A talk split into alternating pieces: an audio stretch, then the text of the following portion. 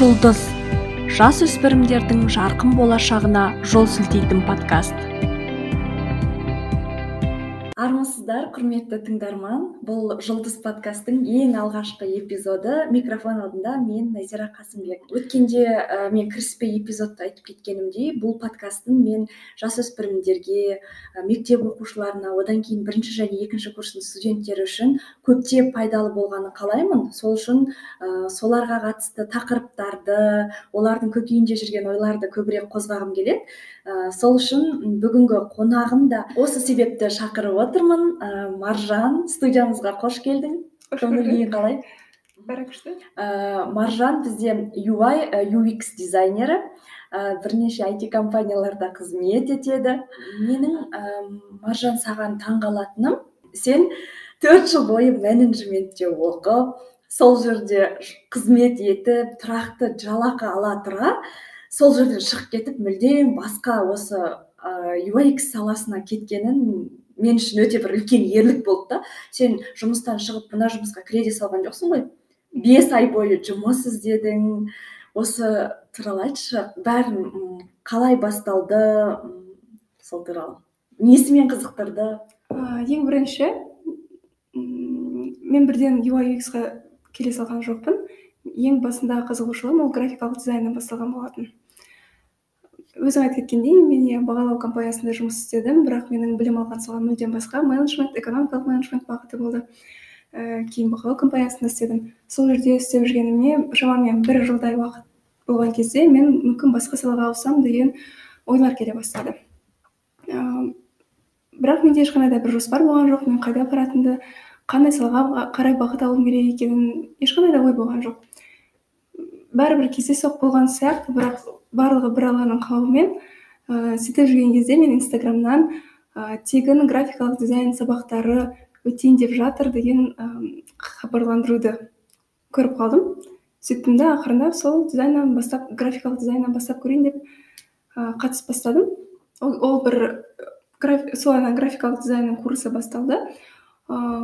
Ол бір ыыы толығымен бүкіл үйрететін курс болған жоқ. Ол дизайнға кіріспе ретінде сондай бір бір апталық па курс болды. Ол курс біткеннен кейін мен қайтадан сол бұрынғы бағалау компаниясындағы жұмысымды жалғастыра бердім. Бірақ сол кезде карантин басталды. Курс бітті мен қайтадан жұмысыма оралдым. Ой оралғаннан алға қарай сол бағалау компаниясында жұмысымды жалғастыра бердім. Одан кейін карантин басталғаннан кейін мүлдем жұмыссыз үйде отырдық екі айдай. Уақыт көп болды. Ә, сол кезде графикалық дизайн бойынша бір апталық па он күндік па онлайн марафон болды. Оған да қатыстым. Сол кезде қызығушылығым жоғары ашыла бастады десем болады. Ең басындағы курс ол жай ғана база қалыптастыру фундамент қалыптастырған болатын болса одан кейін сол кәдімгідей ә, дизайнды ауқымдырақ кіре бастадық. Ауқымдырақ үйреткен курс болды. Ол курс біткеннен кейін карантин әлі біткен жоқ әлі жалғасып жатыр. Мен үздіксіз өз бетімше ә, сол курстан алған білімімді ары қарай жалғастыра бердім. Өз бетімше баннерлар жасадым қолым жаттықсын дизайнерлік қабілетім ары қарай артсын. артсын деп ниетпен ары қарай үздіксіз күнде бір баннер міндетті түрде жасап отырдым. Біріншіден сол ыыы қолым жаттығу екіншіден қабілетімнің артуы үшіншіден портфолио жиналсын менде деген ой болды. Бірақ ана жақта әлі ә, бағалау компаниясындағы жұмысым тұр карантиндеміз бәріміз ә, карантин бітті мен қайтадан сол бұрынғы жұмысыма қайтып бардым ары қарай жалғастырдым бағалаудағы жұмысымды м шамамен бір төрт бес айдай өткенде ма үш төрт ай өткен кезде түбегейлі оценкадан мүлдем кетемін ыыы дизайнға қарай бет бұрамын деген шешім қабылдадым да. Ыыы сол дизайнды о баста үйретіп бастаған асқарға маған курс өткізсеңіз жеке деп жазып сонымен курсты бастап кеттік. Осы кезде негізі прям астын сызып тұрып айтатын дүние ол маған жақсы ментордың жолыққаны. Иә өзіңнің қызығушылығың болады бірақ сенің ары қарай қызығушылығыңды ашатын ыыы сені ары қарай жетелейтін адамның болғаны өте маңызды екен. Жаңа айтып кеттің ғой ыыы графикалық дизайнның несін рекламасын көрдім деп содан кейін кірдім деп. Енді осы тыңдармандарымызға кішкене түсінікті болсын онда ара жігін ажырата бастайық иә мысалы графикалық дизайнер деген кім UX дизайнер деген кім тіпті атауын өзіне кішкене шатасам да сол туралы кішкене мағлұмат беріп кетсең жақсы. Негізі мен графикалық дизайнды бастағанда тіпті UX-тің не екенін де білген жоқпын. Мен білдім мен оқып жатқан адамның UX дизайнер екенін но бірақ та менде ешқандай да бір ол қандай сала екен деген қызығушылық болған жоқ. Менің бүкіл қызығушылығым графикалық дизайнда ғана болды. Графикалық дизайнер дегеніміз қарапайым тілмен айтатын болсақ ә, белгілі бір идеяны белгілі бір айтқың келген ойды цифрлық композиция түрінде ұсыну. Мысалы үшін біз күнделікті көріп жүрген инстаграмнан көретін баннерлар таргеттен шығатын баннерлар немесе логотиптер осының барлығы графикалық дизайнердің жұмысы. Ал UI UX дизайн дегеніміз ол ә, интерфейс дизайны. UX user experience ол ұм, сайттың немесе мобильді қосымшаның ыңғайлылығына жауап беретін бөлімі ал UI ол оның әдемілігіне жауап береді. Қосып айтатын болсақ UI UX дизайнер қолданушының қажеттілігін зерттей отырып оған әдемі әрі ыңғайлы интерфейс жасаушы маман. Әйтпесе негізінде бізде мынандай түсінік қалыптасты ғой. Сайт жасаған сайтты айтишниктер істейді болды. Мен вообще бас қатырмайтын мысалға ана жер неге сары түс мына кнопка неге дәу неге ана кішкентай? Яғни оның бәрі сол UIX UI UX дизайнердің жұмысы. Менде де менде де ешқандай да бір ой болмапты. Менің түсінігімде бүкіл нәрсені бүкіл сайтты мобильді қосымшаны бастан аяқ тек қана айтишниктер программисттер жасайды деген ғана ой болатын. Ыыы сөйтіп ә, графикалық дизайннан курсын аяқтадық. Бірақ мен бәрібір де сол біраз уақыт бағалау жұмысымды ары қарай жалғастыра бердім, бердім. И ә, параллельно графикалық дизайнер бойынша дизайн бойынша жұмыс іздедім. Жұмысымды іздеп әбден тауып алғаннан кейін барып қана мен бағалау компаниясына кеттім. Ол кезде бір аса бір қорқынышты нәрсе болған жоқ маған. Иә менің ыыы тәжірибем аз болды. Мен теориялық жүзінде білсем де практикалық аса көп жұмыс жасай қоймағаннан кейін сәйкесінше менің жалақым да аз болды. Айтарлықтай аз болды бірақ енді жүріп тұруыма жететін болғаннан кейін бір нәрседен бастауым керек болды. Сөйтіп ыыы мүмкіндікті шығып тұрған мүмкіндікті ұстап қалайын деп шығып тұрған жұмысқа сол өтіп кеттім. Оценкадан мүлдем кетіп қалдым. Ондай қорқыныш болған жоқ. Ақшам зарплатам аз болса да бар жұмысым бар сөйтіп кетіп қалдым. Ол жердегі менің істейтін міндетіме кіретін нәрсе ыыы инстаграмға арналған баннерлар жасадым таргетке арналған баннерлар презентациялар. Және кішігірім сайттар. Кішігірім ғана сайттар үлкен емес. Лендинг пейдждар иә? Лендинг деуге де келмейді таргеттен шығып тұратын кішкентай сайттар болады ғой сондай. Мен ол кезде тіпті сайт жасауға байланысты білімім болған жоқ мен баннерді қайтып жасасам анау лендинг кішкентай лендинг пейдждарды солай жасап жүрдім былайша айтқанда тағы мынандай сұрақ болып тұр. Қазіргі жастар бізде жұмысқа тұрған кезде тәжірибесі болмаса да өздерін жақсы бағалайды да олар. Мынау z ұрпақтары әсіресе яғни менің ә, маған мынандай жалақы керек маған осындай беріңіз сағатым мынанша тұрады деген сияқты айтады да. Бірақ дегенмен де ә, тәжірибенің аздығы я болмаса білімнің мүлде ол салада жоқтығы оларды қатты қызықтырмайды да. Саған қарап отырып мынаны түсіндім графикалық дизайнер болып жұмыс бастадың одан кейін ол жерде қанша уақыт істедің одан кейін қалай UX-ге ауыстың? Ол жерде шамамен бір төрт бес айдай жұмыс істедім. Бір белгілі бір уақыт өткеннен кейін өзің сөйте сезіндім менде деградация болып жатқанын маған ары қарай тағы да даму керек екенін бір орында тоқтап қалғанымды түсінікті болды. Ыыы сөйттім да ары қарай мен білімді UI UX дизайнмен жалғастырамын деп шешіп қайтадан сол асқарға барып UX дизайн курсын өттім яғни сен сол уақытта уже өзіңе графикалық дизайн қызықсыз болды ма? Неге? Ыыы графикалық дизайнды бүйтіп одан сайын тереңдете түсудің орнына одан кетіп UX-ге барғаны қызық болып тұр. Иә графикалық дизайнерлардың жұмысын құрметтеймін өте бағалаймын. Шынымен де өте ә, графикалық дизайндағы маған ә, бір ұнамаған нәрсе сен бір кішкентай ғана композицияны ұзақ уақыт істеуің мүмкін. Екі сағат үш сағат төрт сағат мүмкін бес сағат істейсің. Оны сен бірінші басқа референстарды қарайсың. Одан кейін барып өзіңе келтіресің деген сияқты. Өте ұзақ уақыт кетеді бір ғана кішкентай баннерді жасауға. Ыыы сол нәрселердің барлығы кішкене менде бір зорығуға алып келген сияқты қалды одан кейін мүмкін мен басқа саланы көремін деген ой болды. И графикалық дизайн курсын оқып жүрген кезде білмеймін неге екенін. Асқар маған сіз бәрібір юай кетесіз ғой деп бірнеше рет айтқан бірақ мен ол сөзге аса бір мән бермеппін. А иә деп қана қоя салыппын. Содан кейін сол ыыы графикалық дизайннан мүмкін басқа салаға ауысамын деген кезде сол сөз есіме келе келе қалды. Мүмкін сол юай ті көремін деген сөйтіп ға қарай өттім. Ыыы курс жеке курс өттім. Бастан аяқ барлығын сол асқардан үйрендім. Ыыы асқар ол продуктовый дизайнер болып жұмыс істеді сол кезде. Қазір де продуктовый дизайнер. Бастан аяқ бүкіл дизайнның әліппесін мен сол адамнан үйреніп шықтым. Қанша уақыт алды ол жаңағы үйрену курсы? Ыыы графикалық дизайн шамамен екі айдай уақыт алды. Ал UX дизайн негізі жоспар бойынша иә екі ай уақыт алу керек болған бірақ ыыы жеке мәселелерге байланысты деген сияқты сәл бір үш төрт айдай уақытқа созылды.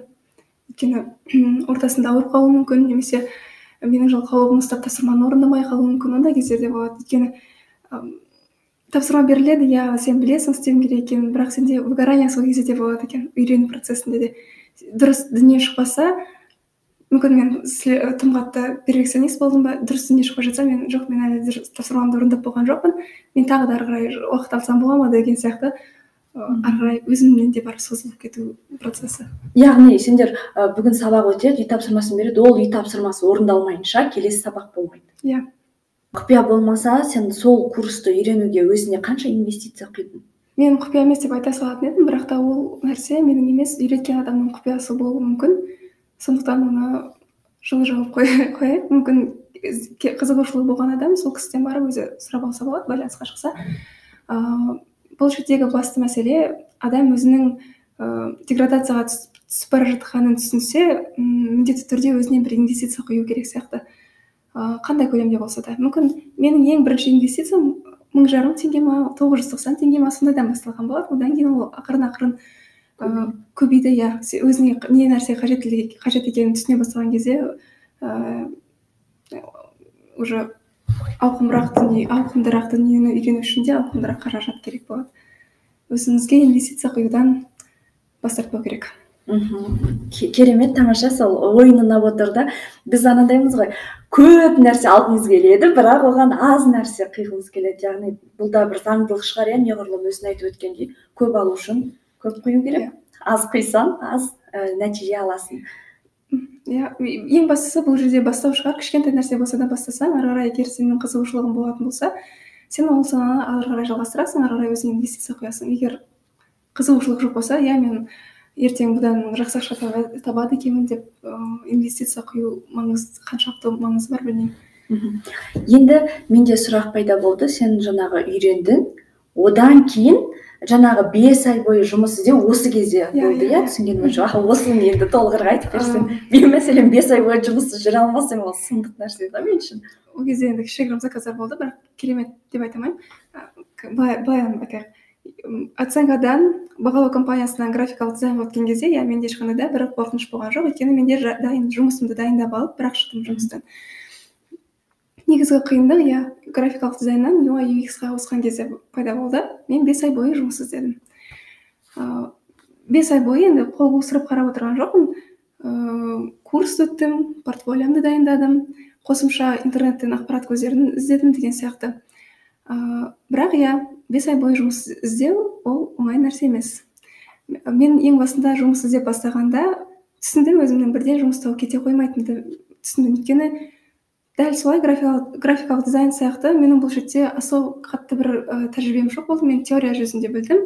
Ә, курс барысында жасаған жұмыстарым бар. Ә, бірақ енді тәжірибеңе барлық жер тәжірибеге қарайтын болғандықтан мен сол нәрсеге дайын болдым. Сөйттім да өзіме мен кемі жүз отказ алуым керек деген мақсат қойдым. Өйткені мен отказ алатынымды білдім и отказ ала берсем түсініп қалатынымды да түсіндім. Мүмкін иә қазір күлкілі болып көрінетін шығар мүмкін дұрыс емес те шығар. Ыыы бірақ сондай мақсат қойдым. Бірақ ең жаман нәрсе бәрібір де менің сондай мақсатым болған күннің өзінде адам уже бес отказ алты жеті сегіз тоғыз он отказдан кейін сен ақырындап сына бастайды екенсің.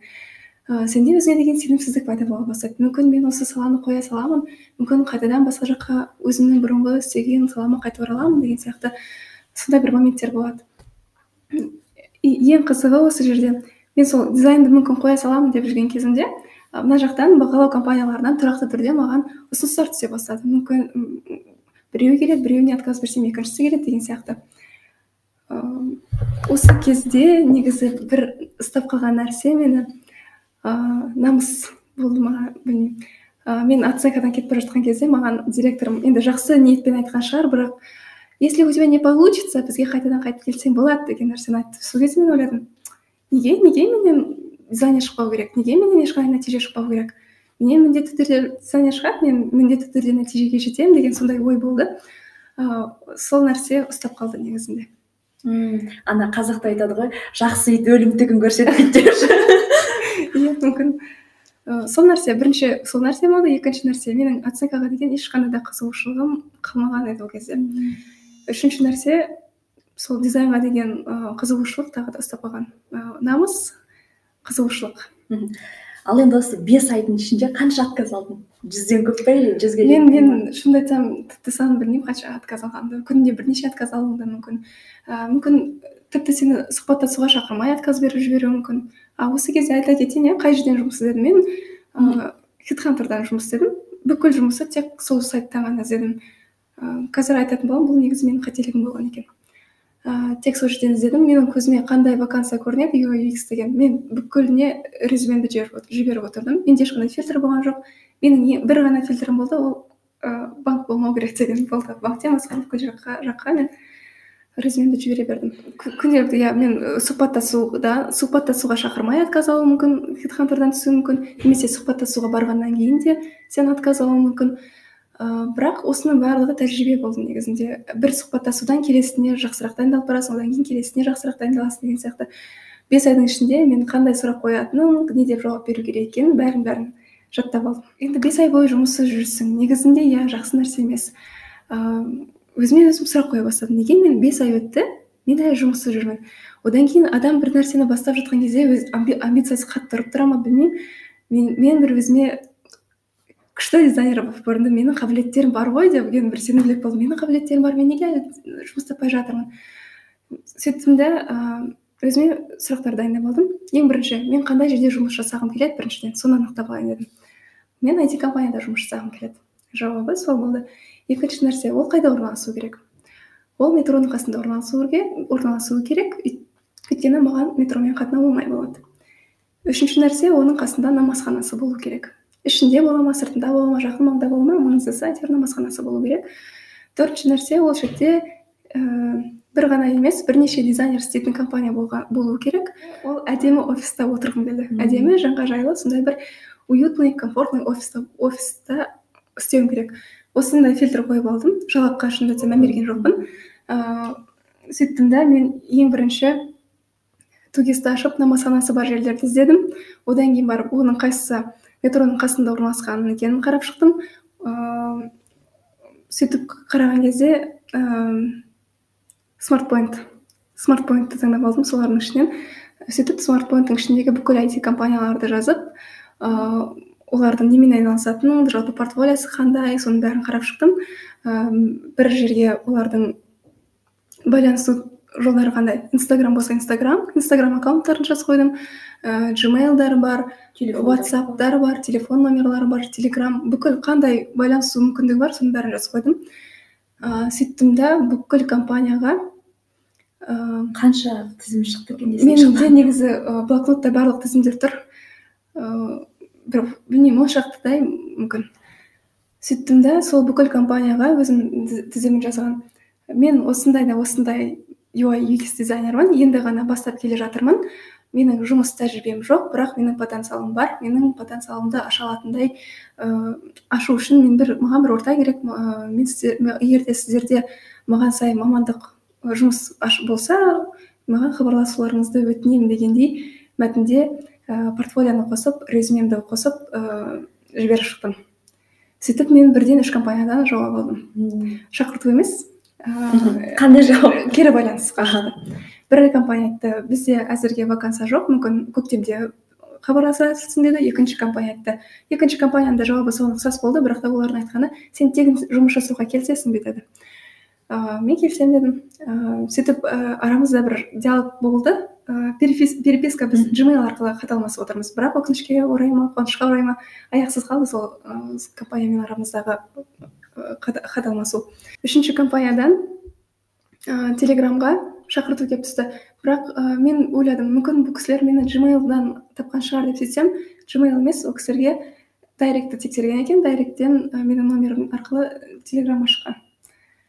Ыыы бұл жерде айтқым келетін нәрсе байланысудың қандай түрі болсын өте маңызды рөл атқарады. Мен мүлдем күткен жоқпын мен маған инстаграм арқылы шығады деп.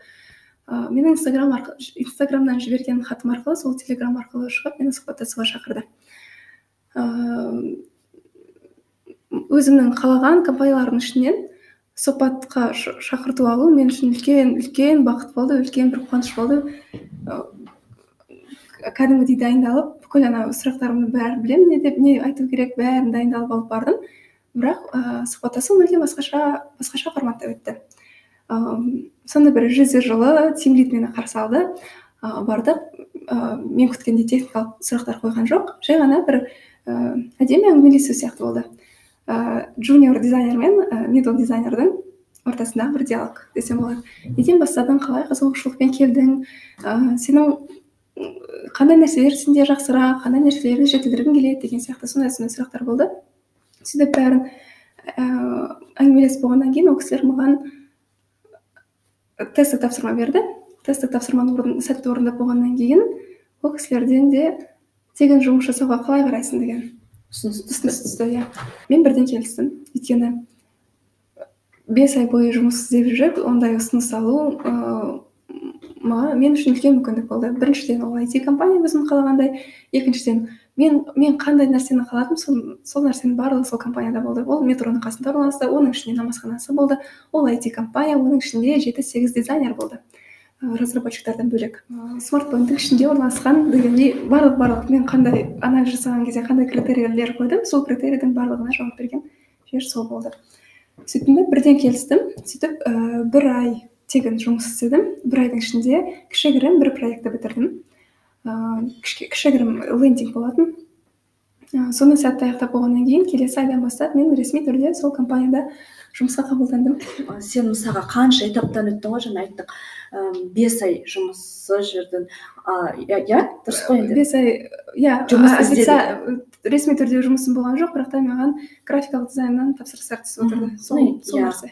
Азын аулақ қаражат болды. яғни сол бес ай бойы жұмыс іздеу одан кейін жүз отказ алу деген сияқты не қойдың иә өзіне өзінің арманындағы жұмысқа орналасу үшін қандай қадамдардан өтуіміз керек? Егер де сіз ә, істеп жүрген саламды ауыстырамын десеңіз немесе жаңадан мамандық таңдайын деп жатқан болсаңыз ең бірінші кругозорыңыздың кең болғаны сізге өте қатты көмектеседі деп ойлаймын. Өйткені мысалы үшін UX дизайнның не екенін білмесем мен ол салаға мүлдем бармайтын едім. Сондықтан жалпы әлемде қандай мамандықтар бар оның қайсысы сұранысқа ие болып жатыр деген сияқты бір бір шолып өту керек деп ойлаймын. Одан кейін өзіңізге керегін таңдап алсаңыз міндетті түрде сол саланы байқап көруіңіз керек. Өз бетіңізбен жасайсыз ба немесе курс өтесіз ба кішігірім әйтеуір сізге қаншалықты қызықты екенін байқап көруіңіз керек. Одан кейін оқу процесі басталады. Оқу процесі кезінде өзіңізге инвестиция, инвестиция құюдан ыыы қашпауыңыз керек. Ыыы оқып болғаннан кейін жұмыс іздеу процесі жұмыс іздеу процесі кезінде ең біріншіден сіз өзіңіз қандай компанияда жұмыс істегіңіз келеді соны нақты анықтап алыңыз. Мүмкін ол IT компания емес веб студия болуы мүмкін еді иә? Мүмкін жай ғана бір үлкен холдинг болуы да мүмкін еді. Сол бірінші ой қандай компания екенін анықтап алыңыз. Өзіңіздің критерийларыңызды қоя біліңіз.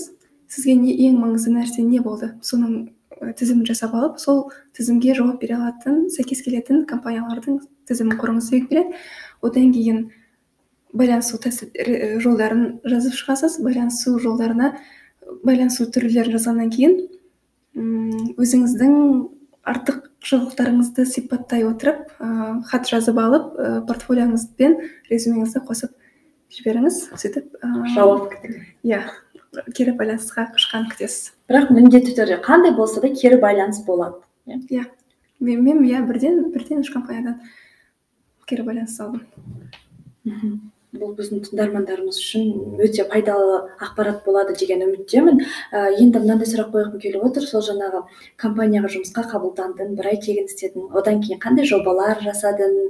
Ә, өзіңнің жаңағы деңгейінің көтеріліп жатқанын қалай білдің? Мен негізі не, не себепті анау ең басында қандай компанияда жұмыс жасағым келеді дегенде ол жерде мен үшін кәдімгідей бес алты дизайнердің болғаны маңызды роль атқарды.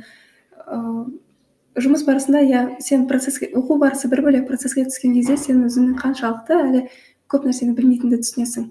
Осы кезде менің қасымдағы әріптестерім маған өте үлкен көмектесті. Кез келген білмейтін сұрағымды мен сол кісілерден сұрап отырдым. Ыыы ол кісілер маған бағыт бағдар беріп отырды немесе өздерінің білгенімен бөлісті немесе сен мына жақтан қарап көрсең болады мына жақтан осы осы мәселеге байланысты мына сайттан қарасаң болады деген сияқты бағыт бағдар беріп отырады. Сол кісілердің арқасында десем болады мен кәдімгідей бұрынғы мен ең басындағы жұмысқа кірген деңгей мен қазіргі деңгейді арасында айырмашылық жер мен көктей. Қандай жобаларды жүзеге асырдың сол компанияда жүріп? Ең басында сол тестті тапсырмаға берген ең кішкентай ә, сайт бір беттік лендинг болды. Содан бастап басталды. Одан кейін ақырындап ә, күрделілігі орташа сайттар жасай бастадым. Интернет магазиндер ә, деген секілді. Одан кейін барып үшінші этап бұл кәдімгідей күрделі көп беттік корпоративтік сайтты жасауға тапсырды. Шүкір барлығын абыроймен атқарып келе жатқан сияқтымын. Деңгейінің көтеріліп келе жатқанын білесің уже иә. Бағаң өсті яғни кәсіби бағаң иә? Кәсіби деңгейім иә сол нәрселерді жасау арқылы иә өсіп жатыр ал енді қазір ыыы өзіңді қалай ары қарай дамыту үстіндесің дәл осы UX дизайн саласында? Тағы да оқып жүрген курстарың бар ма кітап бар ма дегендей? Негізі мен көбінесе иә кітаптар бар оқып жүрген кітаптардан бөлек маған практикалық тұрғыда қараған практикалық сабақтарды көрген көбірек ұнайды сондықтан ютубтан көбірек сабақтар көруге тырысамын. Ыыы ютубты ашса да тегін ақпарат көзі өте көп. Өте көп. Соны өзіңізге керегін саралап алсаңыз ол жақтан да жақсы бір пайдалы білім алуға болады. Одан кейін өзі бір белгілі бір уақыт болатын сияқты адам жүреді жүреді да өзіне бір ііі жерге келіп тоқтап қалғанын түсінеді ары қарай дамудың керек екенін түсінеді. Сөйтіп ойлап жүрген кезім еді осы жақында. Маған бір курс өту керек деп. Сөйтіп жүрген кезде қайтадан сол маған ыыы курс өтуге ұсыныс түсті. Қазір қайтадан курс өтіп жатырмын. UX бойынша. Мхм енді осы тыңдармандарымызға пайдалы болсын. Өзің көретін ютуб арналар мен өзің оқыған кітаптар жайлы айтып кетсең. Ең бірінші оқыған кітабым дизайнға байланысты ол ыыы сюзан уэйншемптің дизайндағы жүз жаңа принцип деген кітап болатын. Одан кейін сол ютубтағы видеоларды көріп жалғастырдым десем болады. Сабақтарын қалдырмай көретін дизайнердің бірі ол валерия деген ресейлік дизайнер, дизайнер қыз болатын. Өкінішке орай соңғы жағдайларға байланысты ол кісі қазір ешқандай контент салмайды. Бірақ ыыы қазіргі бар қормен белгілі бір базаны қалыптастырып болады. Біз айтамыз ғой егер дәрігер болғысы келсе оқушы онда ол мысалы биология мен химияны жақсы білу керек деп. Ал енді егер ол бала юаикске ыыы прям барамын деп мақсат қойса алдына ол ыыы қай салаларды жақсы қай пәндерді жақсы білу керек? Көп адамдар негізі өзім де дизайнды енді бастайын деген кезде мен сурет сала алмаймын ғой мен сурет сала алмасам мен дизайнер шығамын деген сұрақ болған жауабы жоқ. Сіздің сурет сала алуыңыз сала алмауыңыз дизайнер болуыңызға кедергі болмайды. Ең бастысы бұл жерде сіздің құрастыра алу қабілетіңіз. Ә, мен енді графикалық дизайннан бастадым ғой ол жердегі ең басында маған солай айтты. Сіз сурет сала алмасаңыз ештеңе етпейді сіз әдемі композицияны құрастыра білетін адам болсаңыз болды деп. Ыыы оның барлығы қолмен емес компьютермен жасалады компьютерда барлық инструменттер дайын тұр. Сіз жай ғана иә икеміңіз болу керек шығар кішкене. Талғам болу керек талғам болу керек икем болу керек. Ыыы соның бәрін құрастырып әдемі дүние жасай білсеңіз болғаны. Одан кейін егер UI UX дизайнға қызығатын адам болатын болса ол адамның логикасы жақсырақ болғаны. Логикасы рөл ойнайды одан кейін мысалы үшін сен бір интерфейсті сызып жатасың одан кейін ол жердегі бүкіл логиканы байланыстыратын дизайнер. Мысалы үшін мен мына кнопканы басқаннан кейін мына жаққа өтуім керек. Сол кезде менде мынандай мынандай кнопкалар шығу керек. Ол бетті ашқаннан кейін егер де ол адам мынаны мына жақты басса менде не ашылу керек? Егер ол қате басып қойса не ашылу керек? Егер мен дұрыс нәрсені бассам не ашылу керек деген секілді. Одан кейін келесі переход қай страницаға өту керек? Ол страницада қандай нәрселерді іздеп кірді адам? Соның бәрі негізі логикалық байланыстыратын ол дизайнер. Ә, әрбір беттің ортасындағы ә, байланысты қоюшы дизайнер ғой. Одан кейін ана, аналитикалық қабілеті де болу керек. Мысалы үшін кез келген ә, UI UX тағы кез келген жоба ол оны зерттеуден басталады. Ә, мысалы үшін мен бір проект бастап жатырмын. Ол проект нарықта сондай проектілер бар ма? Ол проектілердің минустары қандай плюстары қандай? Мен мен жаңадан не қоса аламын деген сияқты бар нәрсені зерттей алуым керек анализ жасай алуым керек. Ыыы қаншалықты қажет қажет емес екенін бәрін саралап сонымен жаңадан продукт жасап шығарасың. Ал енді қазір осы сенің әңгімеңнен кейін өзім қолданатын сайттарды көз алдыма елестетіп отырмын да шынымен. Біреуінің кнопкасы дәу деген сияқты. Қандай да бір стандарт бар ма? Негізі иә теориялық тұрғыда ә, әрбір кнопканың размері мынандай болу керек деген сияқты нәрселер бар ғой. Сол үшін шрифттар көзге көріне алатындай оқуға ыңғайлы болу керек. Ал мобильді қосымша болатын болса әрбір кнопка сенің саусағың сыятындай баса алатындай ыңғайлы болу керек деген сияқты. Иә өзінің теориялық тұрғыда ыыы ережелері бар. Тек кнопканың размерлері ғана емес ол жерде түсте кәдімгідей үлкен рөл ойнайды. Әрбір түстің өзінің пайдаланатын орны бар. Мысалы үшін қызыл түсті ыыы тәбет шақыруға ііі әсер етеді дейді да мысалы үшін мындай менюларда көбінесе қызыл түс қолдану мүмкін деген сияқты. Сондай ресторандарды ресторанның сайттарында қызыл түсті көбірек қолдану мүмкін деген сияқты. Түстің де өзінің ойнайтын рөлі бар. Ыыы әріптің шрифтің де өзінің ойнайтын рөлі бар. Яғни сол гайдлайнға сүйене отырып әр дизайнер содан өзінің креативін қосып бір дүние жасап шығады ғой иә дәл солай енді тағы да бір мені қызықтырып отырған сұрақ ол маржан қазір қазақстандықтардың арасында кеңінен сұранысқа ие және танымал мобильді ойын или мобильді қосымша шықты. Ақыл батл сен соның дизайнын істедің сол жоба туралы айтсаң онда қандай қиындықтар кездесті? Қазір мысалы оны апгрейд жасап жатсыңдар иә сол процесс туралы айтып өтсең. Ақыл батылды. Мен толықтай менің дизайн деп өзіме меншіктей алмаймын. Ыыы оны жасаған жалпы стилін құрастырған түстерін таңдаған шрифті таңдау ол да бір үлкен жұмыс. Оның оның бәрін таңдаған басқа дизайнер. Ә, маған бұл жұмыс өткен кезде кәдімгідей бүкіл интерфейс дайын дизайн болды. Ә, стиль қалыптасқан ә, болды. Бірақ қолданысқа жібергеннен кейін оның мәселелері шыға бастады қандай адамдарға қандай нәрсе түсініксіз болып жатқаны деген секілді. Әрбір сондай моменттерді жинастыра келе соның бәріне анализ жасай келе қазір ііі әрбір этап сайын біз бір нәрсені жаңартып отырдық. Мысалы үшін бір күні біз басты бетті өзгертуіміз мүмкін келесі жолы біз ойын бетін өзгертуіміз мүмкін келесіде біз профильді өзгертуіміз мүмкін деген сияқты әрбір этап сайын сол қолданушылардан келген кері байланыс арқылы қосымшаны жақсы жақсырақ бұрынғысынан жақсырақ бұрынғысынан жақсырақ жасауға тырысып жатырмыз. ал көбінесе жаңа қолданушылардан көбінесе қандай жерді өзгертуге не түседі? Сұраныс. Біз біз көбінесе қазір өзгертіп жатқан моментіміз ол UX жағы яғни қосымшаның ыңғайлылығы. Ыыы шығарғаннан кейін біз түсіндік ыыы адамдар бірден ойын бастап кету қалай екенін түсінбейді екен.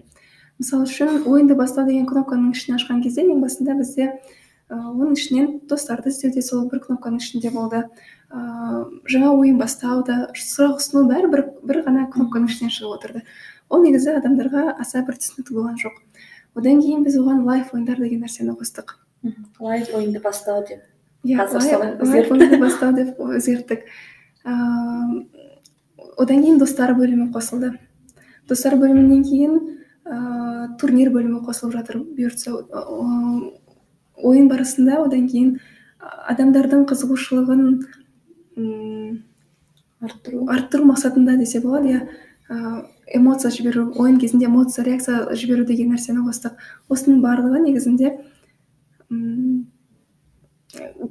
қолданушылардан келген кері байланыстың нәтижесінде жүзеге асып. жүзеге иә белгілі бір жаңартулар өзгерістер жүзеге асып отырады. Маған қазір ұнайтыны мен басында ойлайтынмын. Ақыл сіздің қоржыныңызда бес ақыл бар деп. Яғни ол ақылдарды жаңағы стикерлерді иә пайдалану иә стикерді қолдану үшін ақылға ауыстыруға болады. Қызық маған да өте ұнайды. Мен де ойлаймын көп тыңдармандарымыздың сүйікті ойынның біріне айналған шығар деп. Ал енді өзің қандай ә, жоба жасағың келеді? Я болмаса бір не бар ма мысалға? Мына компанияның жобасын істесем ғой деген бір ойың бар ма? Негізі кез келген жобаны қандай жоба болмасын маған ең бір бастысы ол жобаға қарам нәрсенің араласпаған болғаны екінші ол жобаның шын шынайы түрде адамдарға қажетті дүние болғаны маңыздырақ. Мысалы үшін иә аутсорс компания болғаннан кейін әртүрлі заказдар келуі мүмкін да. Бірақ қаншалықты ол жасап жатқан біздің жобалар қолданыс табылады ол біз білмейміз мысалы үшін. Ол жай ғана біреудің идеясы болуы мүмкін аса бір сұраныста жоқ жоба болуы мүмкін да. Бірақ біз бәрібір де заказ келгеннен кейін біз оны барынша ыңғайлы етіп әдемі етіп жасауға тырысамыз. Халыққа жететін халықтың қолданысында болатын белгілі бір проблемаларын шеше алатындай бір жобаның болғаны ең маңыздысы сол. Қазір енді аутсорс компания болғаннан кейін әртүрлі заказдар келеді ғой. Ә, сен мысалы үшін бір заказды екі ай істеп болды бетін жауып өткізе салуың мүмкін. Одан кейін екінші заказ келеді. Тағы да бір сайт жасап бересің екі үш ай жасайсың оның бетін жауып қайтадан өткізесің аяқталып болғаннан кейін. Қазір менің қызығып жүрген нәрсем ол ә, продукт. Ә, яғни мысалы үшін ақылбат ол продукт деп қарастыруға болады. Яғни біз үнемі оны жаңартып отырамыз үнемі оған өзгерістер енгізіп отырамыз. Біз сол продуктымен сол өніммен ақылбат қосымшасымен үнемі кері байланыстамыз. Маған қазіргі қызықтырып жүрген нәрсе сол. Белгілі бір өніммен өнімнің түрімен ғана айналысу соның ең жақсы лучший версиясын жасау. Мхм жақсы. Ал енді мынандай сұрақ қойғым келіп отыр. Ә, заказчик дейміз ғой тапсырыс берушілерменен ә, жұмыс қалай жүзеге асады? Мысалға кейбіреулері тызы дейміз ғой нақты не қалайтындарын білмейді жаңа өзің сөз арасында айтып кеттің ғой. Маған әдемі сайт жасап бер деп келеді деп. Негізі иә ол барлық компанияларда олай емес енді Ә, әр компанияда әрқалай шығар бір компанияда болады мүлдем тзс жұмыс жасайды. Ауыз ауызба ауыз мысалы үшін бір адам келуі мүмкін маған осындай интернет магазин керек ыыы шамамен осы сайтқа ұқсайтындай болса деген сияқты. Ыыы бастысы әйтеуір әдемі болса ыңғайлы болса болды деп айтады. Яғни ол жерде ешқандай да бір ыыы міне маған сайттың түсі қызыл болғаны керек деген сияқты нақты нақты талаптар қоймай солай келетін адамдар да болады. Немесе кәдімгідей ыыы тізіммен маған осындай қосымша керек оның ішінде осындай бөлімдер болуы маған міндетті деген сияқты нақты тапсырмамен келетін де адамдар болады. Ыыы әрине дайын тізіммен жұмыс жасаған техникалық тапсырмамен ыыы жұмыс жасаған әлдеқайда оңайырақ ол жұмыс процесін өте қатты жеңілдететін нәрсе. Мысалы үшін егер де тз жоқ болатын болса ыыы жай ғана айта салады да маған интернет магазин керек сен ана э, клиентке керек нәрсені тапқанша жасай бересің. Мысалы үшін бір вариант жасайсың ол оған ұнамауы мүмкін түсі ұнамауы мүмкін немесе шрифт ұнамауы мүмкін. Екіншісін жасайсың үшіншісін жасайсың деген сияқты үш төрт варианттан кейін барып қана таңдауы мүмкін. Ал егер де тзда жазылған болатын болса вот осындай сайт осындай ә, шамамен осы осы сайттарға ұқсатып алуым керек маған осындай түстер керек деген болса жұмыс процесі әлдеқайда жеңілдейді қазір қазақстанда және әлемде жалпы UX дизайнерлердің орташа қанша жалақы алады олар ә, ол оның деңгейіне байланысты. Ә, әртүрлі деңгейлер бар. Ә, бастаушы джуниор деп айтады одан кейін мидл ортаңғы деңгей сеньор ол ең жоғары деңгей. Әрбір деңгейдің өзі үшке бөліп қарастырады. Енді әр компанияда әрқалай ә, енді мендегі бар ақпарат бойынша. Джуниор бір джуниор екі джуниор үштің ортасында жүз жиырмадан екі жүз елуге дейін жалақы алады ыыы одан кейін мидл бірден мидл үшке дейін үш жүз бес жүздің ортасында жалақы алады ары қарай бес жүз бен сегіз жүздің ортасында деген сияқты. Енді одан да жоғары осылай деңгейіне байланысты жалақы белгіленеді. Яғни бәрібір де мысалы сол жаңағы айтиде ақша көп деп соған кетіп қалғанымен де тәжірибе болмаса ол жоғары ештеңе ала алмайды иә? Иә. Ешқандай. Жақсы. Мына нәрсеге ауысуды ойлап отырмын маржан. Біздің мектеп бітіріп мамандық таңдап оқуға түсіп ұбт тапсыру кезеңдерінен өткенімізге өзі көп уақыт болған жоқ иә? Шамамен. Жеті жыл болды. Иә жеті жыл бірақ оның өзі де оның өзі де он жылға таяп қалыпты. Тыңдармандарымыздың көбі жасөспірімдерге осы арналғандықтан соларға пайдалы кеңестер болса екен деп едім мен. Мысалы ұбт ға қалай тиімді дайындалуға болады қалай уақытты дұрыс пайдалану керек осыған байланысты кеңестерің болса? Мектеп бітіргелі бері жеті жыл өтті ғой бірақ сол кезде нақты мынандай нәрселерді жасадым деген сияқты бір сол кездегі жұмыс дайындалу тәртібім аса бір қатты есімде қалмапты шынын айтсам. Ең басты нәрсе адам өзінің ертеңгі өміріне өзінің жауапты екенін түсінсе өзіне бүкіл жауапкершілікті өзіне ғана алса ә, деп ойлаймын. Дайындығына жақсырақ, мән берсе ә, мүмкін жинап жатқан бала аз болуы мүмкін мүмкін көп болуы мүмкін. Оның себепшісі мысалы үшін мені мұғалім дұрыс дайындамай жатыр деп емес.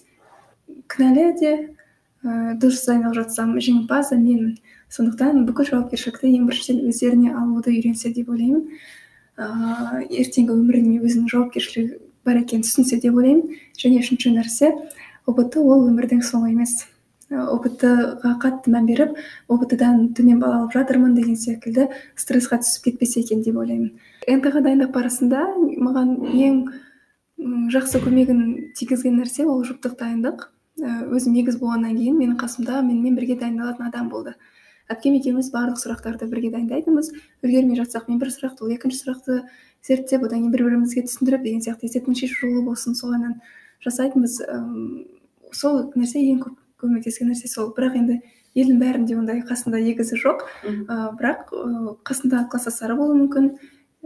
Сондай бір көршісі болуы мүмкін құрбысы болуы мүмкін. Бірге дайындалатын адам болса ол өте жақсы көмектеседі деп ойлаймын. Одан кейін әртүрлі нәтижелер көрсетуі мүмкін иә? Біресе жоғары кетуі мүмкін нәтижесі біресе төмен түсуі мүмкін. Сол кезде фокусты уайымға ыыы стрессқа салмай фокусты дайындыққа ғана қойса екен. Ол нәтиже иә нәтижеге қарап стрессқа түсіп кетпей керісінше соны жақсартуға қарай фокусты сол жаққа қойса екен деймін. Ал мамандық таңдауға байланысты беретін кеңестерің бар ма бізде қазақта көбінесе мұғалім бол жалақысы жақсы жұмыс бар. Или дәрігер бол жұмыс іздеп сандалмайсың. Барлық жерде жұмыс бар деп көп айтады да. Мысалы ә, мен осы UX дизайнер дейтін маманның бар екенін ол кейін ғана біліп жатырмыз. Сондықтан да ә, балаларға айтатын осы жағынан қандай кеңестерің бар? Мысалы сен өзіңді мамандық таңдаудан қателестім деп ойлайсың ба? Мен ол кезде қалай таңдадым? мен осындай пәнді таңдап жатырмын. Сол пәннің ішінен осындай осындай мамандықтарға түсуіме болады. Дедім да сол мамандықтарды ғана зерттеп алып ішінен мынағанына түстім. Сөйтіп менеджментке түстім. Ыыы бірақ жұмыс процесі кезінде ғана түсінеді екенсің да ол нәрсе саған қаншалықты киімді киіп көрмесең оның тура ма тура емес екенін білмейсің ғой. Сол сияқты сол нәрсе бойынша жұмыс істеп көргенде ғана біледі екенсің ол жұмыстың саған қаншалықты сәйкес келетінін немесе келмейтінін мамандық таңдағанда сол ең бірінші қызығушылығына қарау керек деп ойлаймын. Қызығушылығымен таңдап алғаннан кейін оқып жатсаң егер сол мамандықты міндетті түрде сол бағыт бойынша жұмыс істеп көру керек деп ойлаймын оқып жатқан процесстің кезінде. Ыыы одан кейін ары қарай уже одан кейін түсінесің ғой ары қарай жалғастырасың ба әлде басқа бағытқа ауысу керек па? Ыыы және кругозорың кеңірек кеңірек кеңейтуге тырысу керек. Жан жағындағы жан жағында сен білмейтін мысалы үшін сен білмейтін мамандықта жұмыс істеп жүрген адам болуы мүмкін. Адамдардан сұрау керек сіз қандай жұмыс істейсіз ұнай ма жұмысыңыз қандай жақсы жағы бар қандай минус жағы бар деп. Менің ең үлкен бір қателігімнің бірі менің ағам айтида жұмыс істеген күннің өзінде мен ui дизайн не екенін білмеппін. Менің түсінігімде барлығын тек разработчиктер жасайды деп ойладым. Бір күні ыыы сөйтіп ағамнан сұрадым бір проект басталып жатты үлкен ауқымды жоба болды. Ол проект ол маған да қызық болды. Қалай ананы бітіреді екен қашан біз оны қолданысқа алады екенбіз деген сияқты. Сөйтіп сұрадым сол проект қалай болып жатыр өзі қай жерге келдіңдер аяқтайсыңдар ма қашан бітіресіңдер десем оның әлі дизайн жағы біткен жоқ деді. Сол кезде ойладым дизайн? айтида қандай дизайн? айтида вообще шығармашылық адамдар жұмыс жасай ма деп сол кезде бір сондай ой болды. Бірақ болды сол күйі бетін жауып қойдым. Ары қарай оны зерттеген жоқпын. Ыыы ойлап қарасаң енді бір менің дизайнға келуім бір кездейсоқтықпен болған нәрсе ғой. Бірақ егер де мен сол кезде білетін болсам UX дизайн екенін мүмкін сол кезде мен сол жаққа қарай бағыт алар ма едім кім біледі. Сондықтан сол айналамдағы нетворкинг арқылы айналамдағы адамдардан сұрау керек қандай мамандықтар бар ыыы кругозорыңды кеңейту керек. Ал сен өзіңді мен ә, мамандық таңдаудан қателестім деп есептейсің ба? Менеджменттен ба? Иә соған. Өкінбейсің ба? Төрт жыл бойы бостан босқа өтті деген өкініш жоқ па?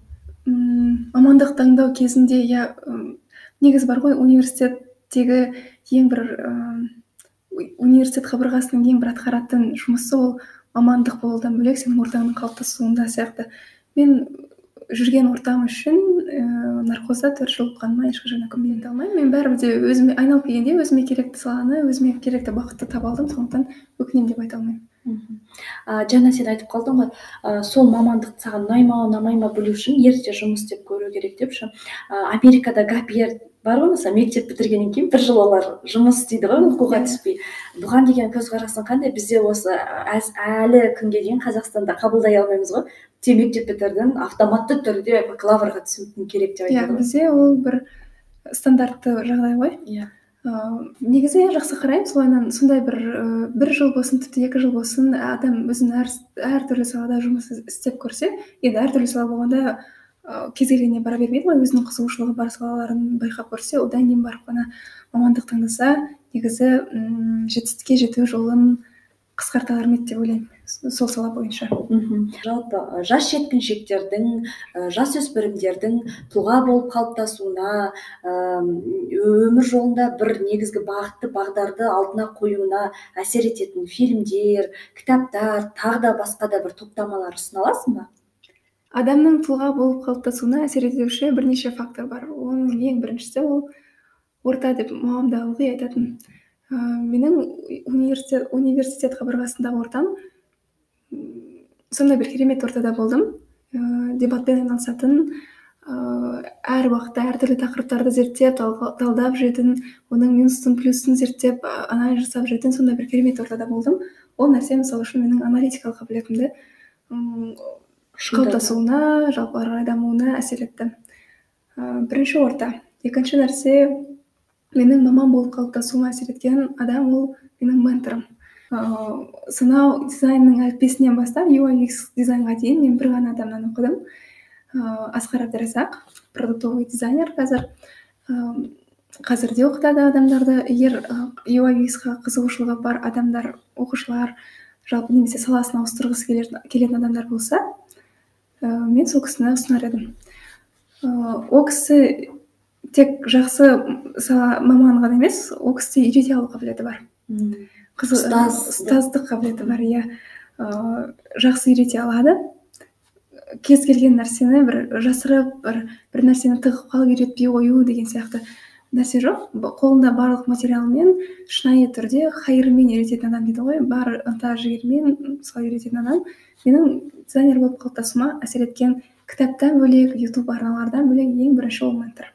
Ментор сіздің жетістікке жетуіңіздің жолын бірнеше есе қысқартатын адам. Өйткені ол кісі жүріп өткен ол жолдың барлығын ол кісі біледі қандай қателіктер бар екенін ол кісі біледі сізге қандай бағыт бойынша даму керек екенін. Сондықтан жақсы ментор таба білу де бір бақыт екен бақыт деп ойлаймын. Үшінші нәрсе ол өміріңдегі болып жатқан бір әрбір сәттен сабақ алу ма әрбір сәттегі бір эмоцияларды ұстап қалу да саған ары қарай өзіңе қалыптасуыңа әсер етеді екен. Мысалы үшін ыыы кәрістің дорамасы бар стартап деген. Ол жерде де IT компания ол жерде де стартап кішкентай стартап басынан бастап қалай анау үлкен стартапқа айналғанға дейінгі этаптарды көрсетеді да. Сол жердегі процесстер ыыы сол жердегі олардың қиындықты жеңуі деген сияқты сенің бір өзіңнің жұмыс процесіңе соларға қарап отырып мотивация аласың а на самом деле бұл кішкентай ғана қиындық оны былай жеңуге болады ол қиындыққа бола сынып кетпеу керек екен мен басқа шешу жолын қарастырайын деген сияқты. Сондай бір моменттерде адамның қалыптасуына әсер етеді.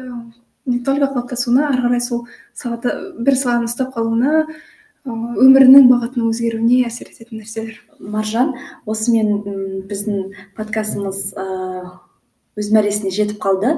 Енді ә, бір сағаттан аса әңгімелестік. Осы уақыт ішінде назира мына сұрақты ә, қойса дұрыс болар еді я болмаса мен мынандай бір айтатыным бар еді деген өзінің тарапынан айтар пікірін ұсыныстарың бар ма? Негізі тақырыпты жан жақты қамтыған сияқтымыз. Керек адам өзіне керек нәрсесін алатындай ақпарат берген сияқтымыз. Олай болса маржан тағы да алтындай уақытыңды бөліп ә, келгенің үшін көп рахмет. Сенің айтқан ақпараттарың мен мәліметтерің біздің тыңдармандарымызға пайдалы болады деген үміттемін. Соңғы айтатын сөзің болса мархабат. Ең біріншіден саған рахмет шақырғаныңа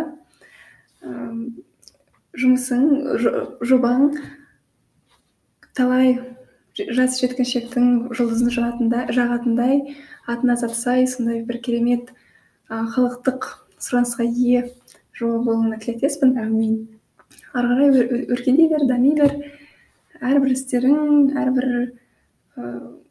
бастамаңда қолдау білдіруге әрқашан дайынбыз. Көптен көп рахмет маржан. Ә, құрметті тыңдарман ә, бұл менің ең алғашқы тырнақалды туындым алғашқы жобам алғашқы подкаст ең алғашқы эпизод. Сондықтан да қандай да бір кемшін тұстар болса сіздерден кешірім сұраймын. Ә, менің басты мақсатым осы жасөспірімдерге ә, жұмысын енді бастап жатқан жас мамандарға жас жеткіншектерге барынша пайдалы болсын деген ә, үлкен мақсатым бар. Осымен жұлдыз подкасттың алғашқы эпизоды тәмам подкастқа байланысты сұрақтарыңыз ұсыныстарыңыз бен тілектеріңіз болса ә, мен төменде инстаграм парақшамды көрсетемін сол жаққа кері байланыс берсеңіздер болады. Сіздерден келген әрбір кері байланыстың мен үшін маңызы зор. Келесі эпизодта тілдескенше сау болыңыздар.